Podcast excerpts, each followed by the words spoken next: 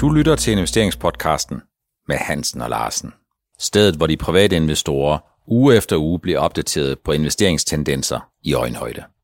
Velkommen til 22. afsnit af investeringspodcasten med Hansen og Larsen. Det er sommertid, men øh, vi er jo sådan set slet ikke klar til sammen med investorerne at gå på sommerferiepause endnu, fordi aktiemarkedet er jo stadigvæk relativt livligt, og der sker mange ting. Øh, I den her uhelge, der har jeg blandt andet ladet mig inspirere af, at jeg kan se, at Citigroup øh, er blevet citeret i Dagbladet Børsen for, at der inden for de næste 12 måneder, der er der 80% risiko for, at investorerne i gennemsnit de får negativ afkast. Det er derfor, jeg ligesom har taget lidt energi med her. Hvis det var sådan, at din portefølje den bliver sådan lidt energifattig de kommende 12 måneder, hvad tænker du om sådan et uh, forecast? Altså, hvis nu ser på overskriften, så har jeg jo set den også på alle mulige finansmedier globalt rundt. Altså, den har kørt mange steder. Mm. Øhm, og det ser så fint ud, at man kan sige, at der er, er en stor chance for en negativ afkast. Ja, det er jo faktisk det, vi kan se, fordi man kan se, at aktiemarkedet kører jo nu i to spor. Mm. Der kører nogle tech-virksomheder, nogle farmavirksomheder, der, der er fest, der farver i det, og især i tech, det er jo helt øh, voldsomt, det kan vi komme ind på senere, men mm. øhm, så er der jo alle de andre, og øh, du har jo lavet sådan en fin liste, hvor du har gjort op med de her selskaber, der er i de amerikanske indeks. Ja. At det er altså lokomotiverne, der trækker, og så er der en masse, som ingen vækst har, eller et negativt afkast rent faktisk, øh, hvis man har investeret i aktierne der. Og man kan jo se, hvordan Warren Buffett, øh, han, han øh, for øjeblikket, han, hvad, hvad han præsterer, og mm. det er jo ikke ligefrem flotte afkast. Og jeg tror, at de selskaber, han er i, øh, vil stå for problemer resten af året, og Måske ikke Apple, men slet ikke, men alle de andre. Vi kommer tilbage til det senere med hensyn til Tesla. Bare sådan lige godt løft for, sløret for dig allerede nu, at hvis man er en global aktieinvestor, jamen så kender man Apple med en markedsværdi på 1600 milliarder US dollar. Det er jo et svimlende stort tal. Det er 10.000 milliarder danske kroner.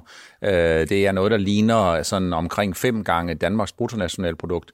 Men hvis det er sådan, man er Tesla-investor, jamen så er man øh, noget, der ligner cirka en sjettedel Apple, og det vil sige, at i sådan en global portefølje, jamen der er det sådan noget, der ligner 0,3-0,4 procent af din globale portefølje, efter at Tesla-aktien er tæt på firedobbelt siden marts måned, den vægter. Og det er alligevel noget. Ja, det er helt utroligt. Altså, vi ser jo nogle, vi, vi ser ligesom, at tech her under corona virkelig får en katapult, hvor de mm. kan ryge op af. Fordi hvad er der, der sker? Altså, nu har der ikke været mange, der er ude og køre Tesla-biler, må man sige. De her bilerne har holdt stille jo øh, i stort omfang øh, øh, på grund af folk, der måske har været ramt af lockdown, men, men altså, vi har set streaming-tv, vi har brugt Facebook mm. og øh, alle de andre tjenester, som øh, Nordnet har jo også øget trafikken øh, gevaldigt under øh, coronakrisen, hvor folk har siddet derhjemme. Så, det må jo fordi, de ser alle de der videoer, som vi lægger op med dig, er det ikke det? Ja, og med dig også jo. Så, så nej, men det er jo også fordi, så er der rigtig mange, der keder sig, som sidder sidder de handler noget mere. Det, er jo, det siger statistikken jo helt. Sådan er det. Men tilbage til, hvis nu man kommer ind i en situation, jeg kan sådan set godt forstå bevæggrundene for egentlig at advare om, at de fremtidige afkast inden for de næste 12 måneder, alt andet lige, de ser lidt svære ud. Og det er jo ud fra en risiko for, at vi får nogle anden runde salgseffekter på aktiemarkederne i relation til covid-19, det har vi snakket en hel del om, at den her økonomiske recovery, den bliver jo alt andet end bare et simpelt V, lige linje, og så kører det egentlig videre. Så i den her scene, så kan man vel godt sige, at man har en pointe med at fortælle, at verden er meget polariseret. Verden er meget mere øh, usikker, end den har været i rigtig, rigtig mange år, og man skal se sig rigtig godt for, når man er investor. Ja, altså det vi kan se, det er, at vi får et recessionsspor, ja. øh, hvor, hvor der ligger inde i det her spor, der ligger en utrolig masse aktier, som ikke vil performe godt, og hvor der kan komme negativt afkast. Og så har vi det her vækstspor, hvor, hvor det, der er meget fremtidsorienteret, det, der blev fået en katapultvirkning fra corona, øh, er måske kommet endnu længere frem i bevidstheden, ikke kun hos øh, øh investorerne, men også hos forbrugerne. Så for eksempel det her med at handle på nettet med Amazon, det er helt oplagt. Jamen så vækst, vækst, vækst. Og det er jo fordi, at folk øh, har fået nogle, nogle andre forbrugsmønstre, og det er blevet endnu mere tydeligt at se mm. under coronakrisen. I relation til det her, Helge, er der simpelthen, vi har snakket om, at detailhandlen øh, bliver meget hårdt ramt, er meget hårdt ramt, og detailhandlen er under forvandling. Det vil sige, at den fysiske del af detailhandlen, jamen de skal altså indstille sig på, at hvis de ikke har en vis del, en betydelig del, som du også selv har sagt inden for din egen forretning, at du skal altså være på nettet, øh, for hvis ikke du er på nettet, jamen så bliver du meget, øh, så er der en risiko for, at du kan blive en del af, at blive taget som en, en gissel i det drama, der hedder, at en betydelig del af omsætningen, den flytter altså derhen, øh, hvor, hvor, en, eller hvor kunderne de flytter hen, nemlig på nettet. Så er der en risiko for, at når vi kommer ud om 12 måneder, at ikke kun detailhandlen kommer til at se helt anderledes ud, dagligvarerhandlen kommer til at se helt anderledes ud, men der bliver sådan set, sådan set overvejende Amazon. Øhm, jeg vil sige det på den måde, i detailhandlen vil ikke se meget anderledes ud. Der bliver bare mindre af den. Mm. Altså, det er jo sådan så, at øh, man vil rykke sammen i butikscentre, øh, der hvor der kommer rigtig mange mennesker, hvor der er en trafik og hvor der er en masse oplevelser. Mm. Det er helt klart det billede, man ser. Så de bedste steder der vil stadigvæk have butikker, som hvis de ellers er originale nok og ikke bare sådan en dødssyg kædeforretning, så vil de øh, øh, øh, profitere på det. Men man bliver nødt til at lave cross-channel, og det gør rigtig, rigtig mange øh, butikker og butikskæder. Det vil sige, at de har noget nethandel, og Mata er så gode til det, at man kan købe på Matas hjemmeshop eller øh, webshop, ja. og så går man ned og afhenter i butikken, og på vej ud af butikken køber man nogle af de her små åndgrene, og hvad de ellers har på tilbud der. Så har man en, en effektiv cross-channel. Ja. Og det kan små butikker også profitere. De kan gå sammen om en stor netshop, og så kan øh, man så afhente lokalt, så man bliver afhentet sted, sted for pakker. Øh, så, så noget vil se meget mere af. Men selvfølgelig Amazon og alle mulige andre, øh, de vil jo også få en stor betydning for, for, for handlen generelt. Og der er nogle varer, der er endnu en gang er billig, meget billigere på nettet, mm. end, end butikkerne kan hamle op med. Mm. Øh, hvis nu investorerne de sidder og lytter med her og ligesom tænker budskabet om 80% risiko for et negativt afkast inden for de næste 12 måneder, det gør jo sådan set, at aktier er mindre interessante, end de har været i mange år så stiller jeg dig et spørgsmål. Hvad skal man så investere i? Ja, man skal investere i de rigtige aktier. Ja. Altså, jeg kan ikke, så længe vi har det her lavrente niveau, så er der jo ikke nogen andre steder at gå hen. Så det, der gælder om, og det er at finde de rigtige aktier, og så øh, må jeg sige, at man skal gøre det arbejde, at man går ud og kigger i små aktier og mellemstore aktier, for at se, om der er nogle af dem, der ligesom kan komme ind i det vækstspor, der er i den ene side af aktiemarkedet, i stedet for at ligge i recessionssporet. Og inden for det er der jo rigtig meget øh, småt pharma eller biotech, som ligger og, og, gry, og sådan hygger sig, og så lige pludselig kommer de måske med et gennembrud. Men det er svært, så derfor skal man ikke køre rigtig meget af dem, fordi vi har snakket om risikoen ved det, det er, at man kan tabe det hele, hvis man kommer med et dårligt forsøg. Men hold sig godt orienteret, øh, og så skal man nok holde øje med øh, de store, hvis de lige pludselig stopbremser op i væksten. Det har vi også snakket med Christian Hansen, og mm. for, øh, vi kan også nævne Novo i 16 og sådan, ikke? Så. Ja. Så hvis man kigger på det her, Helge, så er det jo det, der skaber overskrifterne, det er jo de 80 procent af risikoen for, eller sandsynligheden for at få et negativt afkast. Men på porteføljeniveau, så handler det jo om, at du skal kigge på de aktier, du har. Du skal kigge, du skal trykprøve dem og så sige, se de forhold til det sandsynlige scenarie, den sandsynlige udvikling for den globale økonomi og den måde, som investorerne, hvor foranderlig en størrelse og deres humør end måtte være, vil reagere på det her. Er det så sådan, i det generelle tilfælde og i det enkelstående tilfælde for de aktier, du har i din portefølje, at du ikke er afhængig af, at den globale økonomi laver en V-vending, at du ikke er afhængig af, at risikopræmien falder, helt dramatisk for nogle af de konjunkturfølsomme selskaber. Men du har nogle selskaber, som du har investeret i, hvor du faktisk ikke kun er investor, du er medejer. Og det er jo det der, det relative for, for, eller forskellen mellem at være investor og være medejer, det er, at når du er investor, så køber du en aktie for at eje den i en overgangsperiode, hvor du måske har sat en sidste udløbsdato eller sidste holdbarhedsdato på, hvor, hvor, hvor længe du skal have den. Men er du medejer, så køber du sådan set en aktie, fordi du tænker, det her det er en super god aktie, den passer godt til mig. Jeg tror på den profil, den har, jeg tror på den vækstudvikling, den har, og den har jeg faktisk ikke nogen planer om at sælge på et senere tidspunkt. Nej, det er sådan lidt af et definitionsspørgsmål, fordi investor kan jo også være en langsigtet tålmodig investor og falde ned i gryden ved at, være, at have medejer følelse over for det. Ikke? Og så har vi spekulationen på den, på den anden side. Og der, hvor mange mister penge, er jo næsten ikke, at de holder deres aktier længe. Det er nok mere, at de spekulerer for meget og køber de forkerte aktier. Det har du skrevet en hel del om. Det handler om kunsten om at være tålmodig. Ja. Det handler om at gøre sit forarbejde godt. Når du har gjort dit forarbejde godt, så egentlig stole på det der, og så ignorere noget af den her nyhedsstrøm, som der jo kommer indrømmet meget, meget af hver eneste dag. Der er nye spil hver eneste dag. Det her det er jo ikke hverken tips eller lotto, og heller ikke danske spil. Men der kommer ny information hver eneste dag. Og der må man sige, at øh, en del af det at være en succesfuld langsigtet investor, det er jo evnen til at kunne filtrere i den her nyhedsstrøm. Ja, nu har vi to været i gamet mange år, og hvad oplever vi hver morgen, når vi står op og åbner vores computer, så står der, uh, USA lukkede i går, og stort fald i USA, og man kigger, nå, 1 procent. Ja. altså, og så, så kommer Asien, og så vælter det så ellers ind, uh, alt efter hvilken platform vi bevæger os ud på. Og så sidder jeg tit og tænker, jamen, hvornår kommer der noget, der sådan rigtig epokegør, altså som virkelig rykker noget i aktiemarkedet. Mm. Og det ved vi jo begge to, det er jo, når lige så snart, at, at, at centralbankerne de kommer med nogle piber om, at de pumper penge ud, det virker hver gang næsten. Ja. Øh, og vi så, var det i januar måned, hvor, hvor, hvor det virkede, at man bare sagde, at man tænkte på at gøre det. Så, så det er meget effektivt. Det er sådan nogle ting, jeg kan sige, det, det holder jeg altså faktisk meget øje med, hvad, hvilken strømning er der der.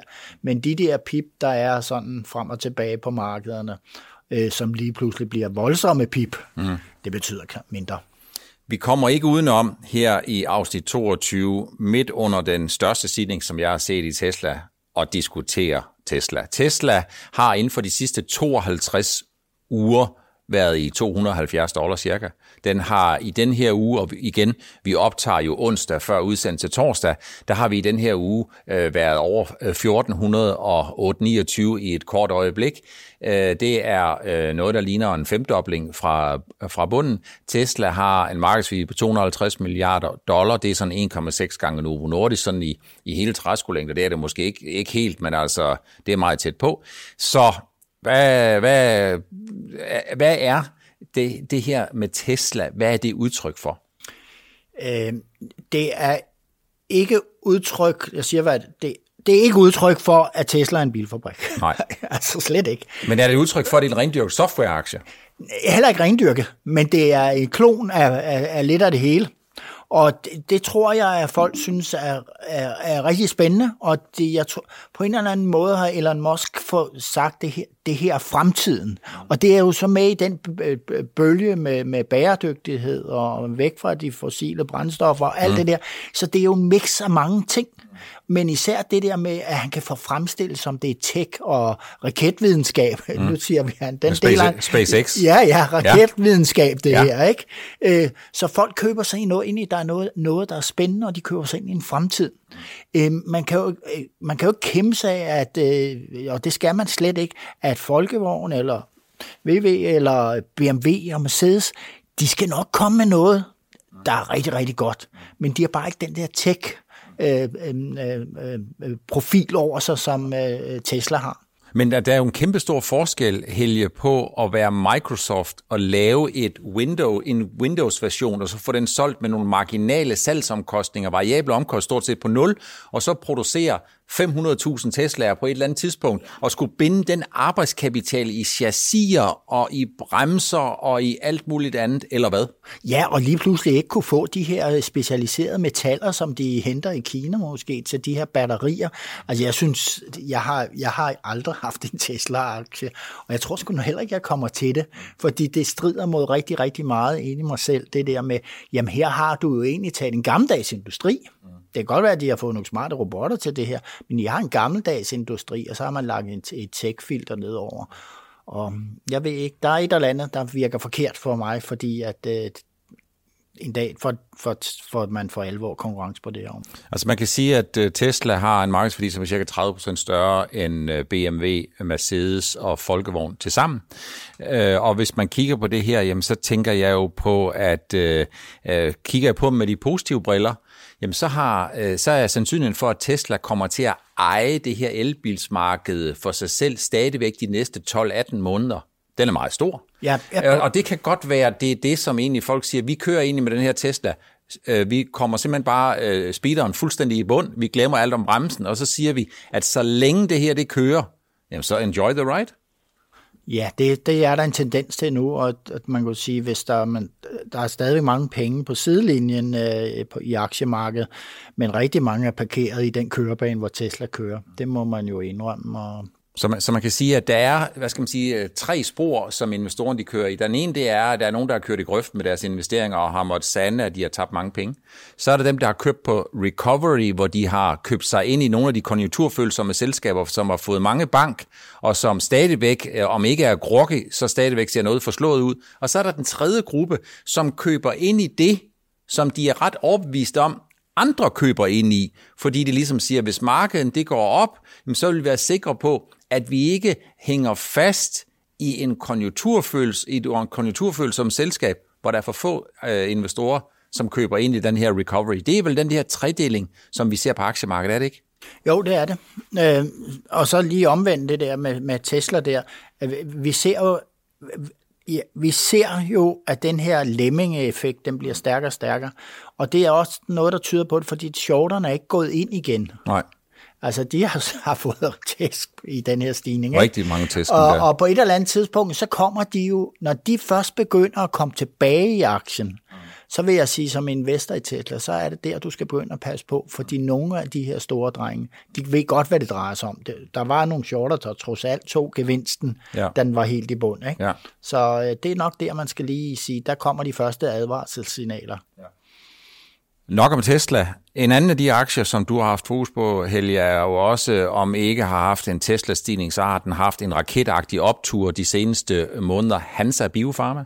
Ja, det, det er sådan set en aktie, hvor, hvor hvor der hele tiden har været afhængig af, om man får, fik en positiv udtalelse øh, i relation til europæisk godkendelse for et stof, som bruges, øh, når man laver nyretransplantationer hos følsomme patienter. Mange, som af, der er mange, der sådan afstøder, afstøder organer der. Ja, ja, hvis de får nye organer. Ja. Og der, her har de et middel, som øh, hvis, det fik, hvis det bliver godkendt i Europa, så er det første skridt på, på en meget spændende rejse for selskabet. De har altså nogle Udover det her har de nogle lægemidler, som ser meget, meget spændende ud inden for det her med immunforsvar og andre øh, områder af sundhedsproblematikkerne.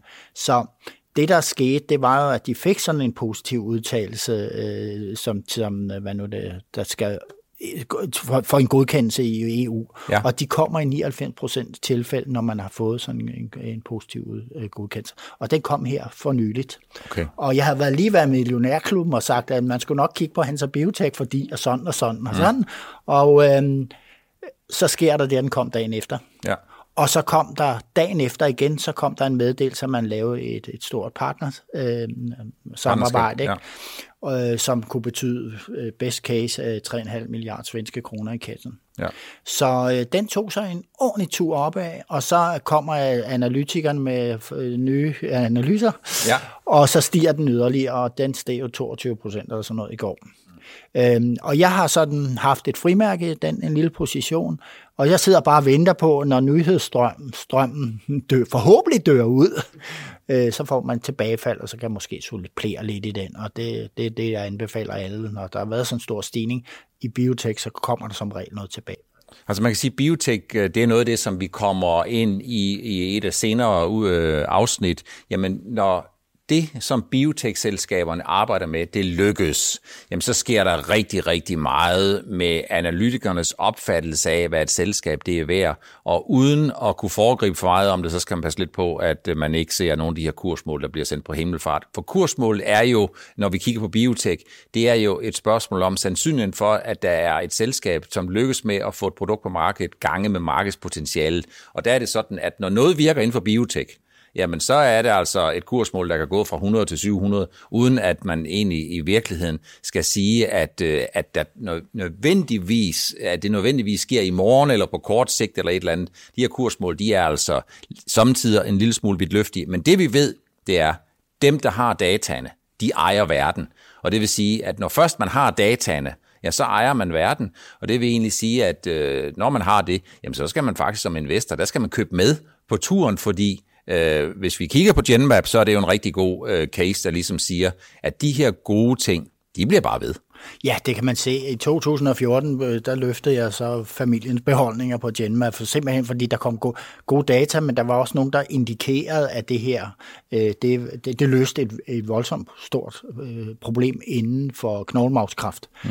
Og, men det tog så en 3-4-5 år mere, før der var tilstrækkeligt data til, at man ligesom kunne skrue kursmålene op og sige, de her, det, man kommer til at tjene penge på det. var, mange har været nervøs, og nu folder hele paletten af den underliggende øh, pipeline så ud i Genmap, og det er derfor ser vi de her voldsomme kursstigninger, som er i aktien.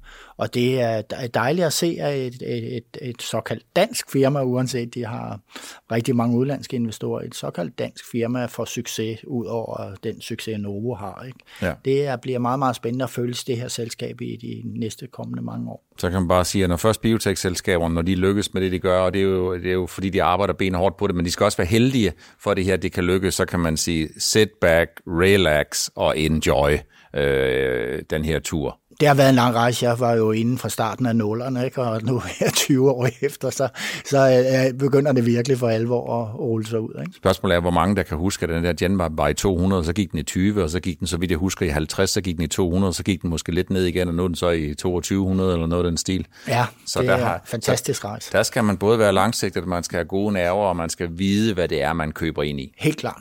Vi er på vej ind i regnskabssæsonen. Er der noget, øh, du ligesom tænker, kommer regnskabssæsonen til at være definerende for den kursudvikling, vi kommer til at se i det generelle tilfælde de kommende måneder, eller bliver det sådan, at investorerne de siger, første kvartal, det var okay, anden kvartal, det bliver ikke ret godt, øh, og det ved vi godt, så derfor så ved vi godt, at virksomheden, det vil ikke sige ret meget, øh, og når de ikke vil sige ret meget, jamen, så er det en usikkerhed, vi går ind i regnskabssæsonen med, den kan jo meget vel tænkes også at bestå efter at regnskabssæsonen er afsluttet. Altså forventningerne til anden kvartal er jo lave hos investorerne. Så jeg tror, at de øh, selskaber, der forstår at sælge budskabet på den rigtige måde, forklarer lidt mere øh, detaljeret om, hvad er det, der skete for os i den her øh, coronanedlukning og lockdown, som er over hele verden. Hvad betyder det for, at man laver yderligere lockdown, måske i USA og sådan noget? Hvis man bund ærlig mm. og siger, jamen vi kan ikke guide for, for året, det vil være useriøst af os, ja. og så, så det tog man med Mærsk, ja. så stiger kursen. Ikke? Altså det kan vi godt lide. Usikkerhed er det værste.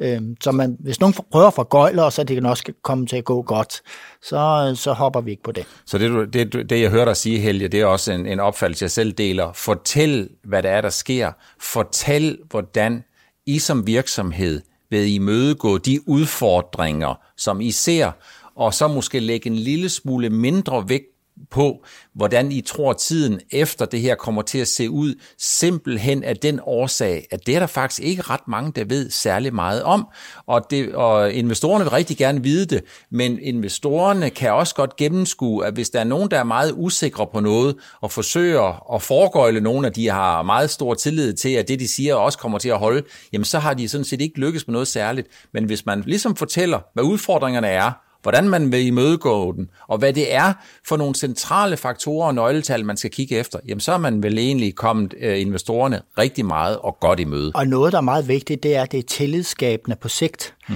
Hvad var slemt med Novo der? Det var det i 2016. Det var, ja. at de flere kvartaler i træk ikke kunne komme ud med, altså de måtte hele tiden nedskrive deres, nedjustere deres vækstmål. Ja. Det er virkelig sådan, man tænker, en gang er okay, men to gange er ikke godt nok. Nej. Og sådan vil vi også se det her, at ja, de selskaber, der været bundærlige omkring det andet kvartal og de næste 3-4 kvartaler, de vil, de vil få investorernes tillid. Man kan sige, at øh, det, som Novo Nordisk gjorde for ligesom at opdatere investoren, så vidt jeg husker det bare, først så halverede man de langsigtede vækstforventninger, og så halverede man de kortsigtede vækstforventninger, så vidt jeg husker. Og investoren, de vidste sådan set ikke rigtigt, hvad det var for et ben, de skulle stå på, andet end at de var ret overbeviste om, at de var slået halv grok i aktien, den vel tæt på halveret over en periode, så vidt jeg husker det er en klassiker, som vi skal have med øh, som investorer øh, altid, det her med, at jamen, hvis man først mister tilliden, så er den svær at genoprette. Det tog jo også et stykke tid for Novo, og nu kører tilliden. Den er god. Så må vi håbe, at man ikke kommer ud i en situation ligesom Bang Olsen, som i den her uge har aflagt deres 2019 og 2020. De laver fire, fem nedjusteringer, og så kommer de ud og afleverer et regnskab, som ligger i den aller yderste del af det mest negative scenarie i et bredt interval, som de har lagt ud. Der må man bare sige, at det bedste, man kan sige for Bang Olsen, det er, at regnskabsåret 2019-2020, det er overstået, og man skal skynde sig at glemme det hurtigst muligt. Ja, men øh, investorerne glemmer ikke det, og de glemmer ikke alle de udmeldinger, der er kommet med ganske kort mellemrum. Så. Vi må håbe, vi må håbe det bedste øh, for alle øh, stakeholders, øh, også i Bang Olsen. Det var, det var det, som vi havde valgt at tage med i afsnit 22 af investeringspodcasten med Hansen og Larsen. Tak fordi I var med.